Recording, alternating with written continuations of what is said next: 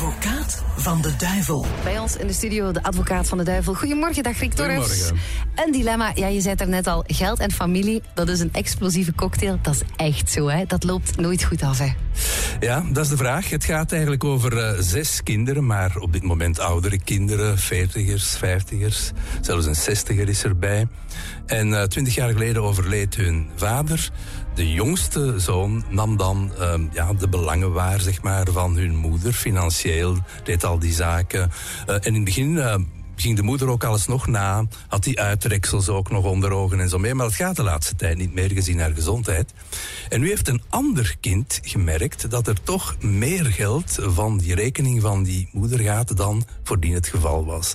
Dat is toch wel een probleem. Meer zelfs, na een tijdje ontdekt hij zelfs dat zijn broer, zijn jongere broer, die dus ook heel goed voor die moeder zorgt, dat komt er nog bij, dat hij ook uh, ja, online gokt.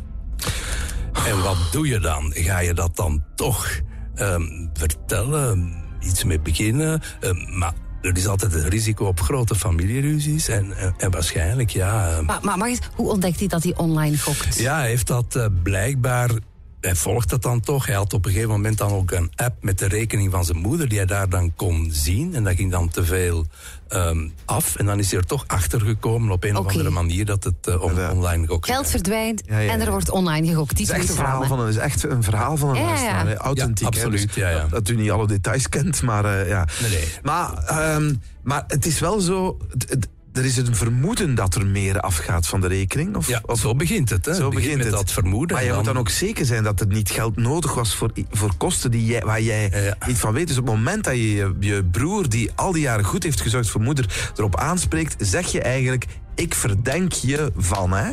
Terwijl het Mhm. misschien helemaal niet waar is. Ik vind dat een hele, hele moeilijke. Oh. Ik vind dat een hele moeilijke. Maar... Ja, och. Moeilijk Ik heb normaal altijd iets te zeggen, maar nu niet. Uh, Het maar, hangt misschien in mijn gevoel van de grootte van de bedragen ook een beetje af. Ook dat, ook dat Ja, denk ik. Als dat nu over hele grote bedragen gaat, dan moet er gesproken worden. Maar als je maar, denkt, maar ik denk, het, sowieso niet um, op de man afvragen, maar gewoon het opentrekken zijnde van, hè, we zijn met zes kinderen, zullen we het eigenlijk transparant houden, die rekening? Wordt het niet de tijd dan om het niet te herbekijken? Ik zou dat zo Voor aanpakken. zover ik het begrijp, zijn de anderen ook niet op de hoogte. Er is er één die Ja, komt. ja, wel, maar dan zou ik het zeker op die manier doen. Transparant. Ik bedoel, en, ja. Ah, maar dat is, ik vind dat je wel een punt hebt. Als je zegt, als je eens een keer in een familiekring zo niet Ja. meteen een familieraad bijeenroepen, maar als je nog eens samen bent, als je zegt, goh, het is voor moeder toch steeds moeilijker, omdat hier allemaal, en je Mhm. voelt dat ze achteruit gaat, moeten we eens een keer niet bekijken hoe we dat allemaal hier organiseren. En dan zo slinks toch proberen in die rekening te graag het gesprek op gang proberen te brengen. Ja, en hij gaat uh, het moeten laten zien. Hij gaat de kaarten op tafel moeten gooien. Hè? Want ja, hallo, ze zijn allemaal samen eigenlijk voor de wet alles Wat is. denken jullie, beste luisteraars? Wat moet je doen in zo'n situatie? Heel moeilijk. We hebben iemand anoniem aan de lijn. Die wil absoluut anoniem getuigen, omdat het veel te gevoelig ligt. Goedemorgen. Hallo. Goedemorgen. Goedemorgen. Je, je, het verhaal van meneer Torfs. Een gezin met uh, zes al ja, oudere kinderen. De jongste van de zes heeft na het overlijden van de papa de financiën voor mama overgenomen. Dat ging altijd goed. Zorgt ook enorm goed voor mama. Maar nu hebben ze toch het vermoeden dat er te veel geld van de rekening gaat. Wegens vermoedelijk een gokverslaving. Maar zekerheid hebben ze daar niet, meneer Torfs. Dat is Niet het. helemaal. Nee, dat is het. Mm, jij kent de situatie een beetje. Jij weet waarover we Eh, spreken hier. Ja, ja, ja, absoluut. Um, bij ons is het um, ook na het overlijden van mijn vader. Um, was het um, lang steeds al. Dus allee, hebben de kinderen niks niet geërfd. Maar mijn broer heeft dan, ja, is dan begonnen met een verbouwing van een huis. En zo haalt hij mijn mama gaan halen. Dan een nieuwe auto, dan uh, rijtjes, dan ja, zo altijd maar geld gaan halen bij mijn mama. Want ja, hij kijkt er zelfs ook niet naar om, want mijn moeder is enorm ziek en dan heb ik voor haar gezorgd. Um, maar toch, ja, kan je haar altijd overtuigen om, om geld te geven. En wij zijn nu over status gekomen dat dat eigenlijk al een enorm bedrag um, aan de hand is. En dat eigenlijk, ja, mijn moeder nu haar pensioen. Dus, Ja, je, je, ik moet even heel kort. De lijn is ontzettend slecht. Dat mensen niet volledig horen. Maar voor de mensen die niet begrepen hebben. Je broer, ja, die plukt eigenlijk je moeder leeg. En je hebt, Ja. het, je hebt ons het bedrag gestuurd. Ik weet niet of ik mag zeggen. Maar het gaat richting het half miljoen. Hè. Daar Ja, gaat het ja, over. Hè. waanzin. ja, ja, ja, Waanzin, daar hè. gaat het om. Ja, hè. waanzin. Ja, Ja, waanzin. Dus uh, ja, en, en je kan het niet met hem bespreken. Ja, jij zit al veel Nee, verder. nee. Ja, nee, het is, het is totaal niet bespreekt. Ehm, ja, het is zelfs ook zodanig geweest dat er dan zelfs ruzie ontstond tussen mijn moeder en de andere kinderen, want we zijn ook met een gezin van zes.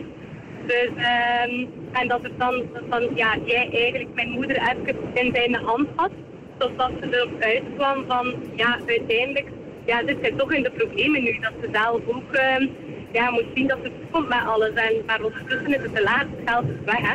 Geld Een half weg. miljoen euro. Dat is waanzinnig. Dat is- Wa- waanzinnig. Zeg maar, je moet ook oppassen dat als je ja, de boel opengooit, dat je niet zelf beschuldigd wordt. Zoals het geval is bij Karin. Karin zit al 25 jaar in zo'n geldsituatie met haar broer. Goedemorgen, Karin.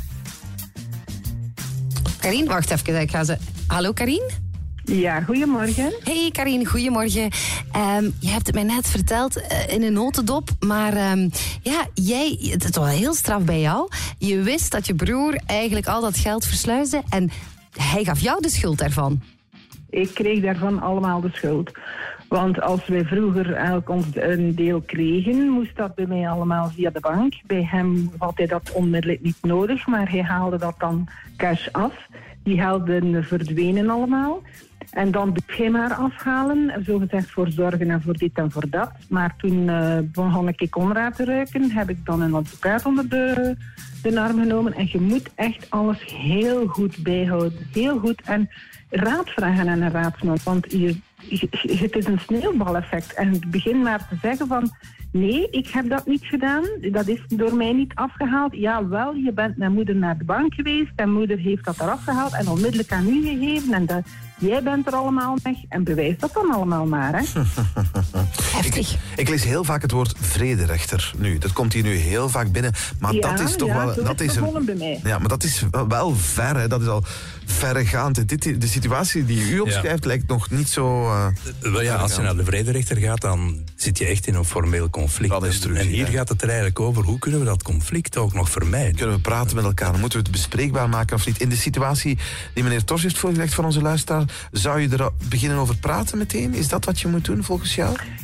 Eh, voor- dat moet je zeker doen. Je moet proberen op een hele rustige manier contact te maken met elkaar en te zeggen van kijk, denk je niet dat dat een beetje loes is of dit of dat of zou dat niet kunnen, dat, want... En, maar dat, is on, dat ontaart onmiddellijk, onmiddellijk Ja, in een ruzie. Maar de situatie die u hebt voorgeschoteld, dat Ja. is wel heel specifiek. Hè? Eh, wat zou u aanraden, meneer Tors? Wel, ik vind om te beginnen blijkt dat die jongste broer heel lang alles heel goed heeft gedaan. Het is een, een twintig jaar lang durende situatie waarin hij die rekening beheerde. Weliswaar in het begin nog onder de controle van de moeder, maar daarna heeft hij dat goed gedaan. Dus het is niet iemand die vanaf het begin slechte intenties heeft. Tweede punt. ehm, de reden blijkt wellicht, moeten we nog bekijken, een gokverslaving te zijn. Dus hoe zou ik het persoonlijk aanpakken? De andere broers en zusters weten op dit moment niks. Ik zou dus proberen een gesprek te hebben eh, met die ene broer. Maar dan bijvoorbeeld over eh, Romelu Lukaku bij AS Roma. Ik zou zo beginnen. Dat- Kijken dat je heel goede contacten met hem opbouwt.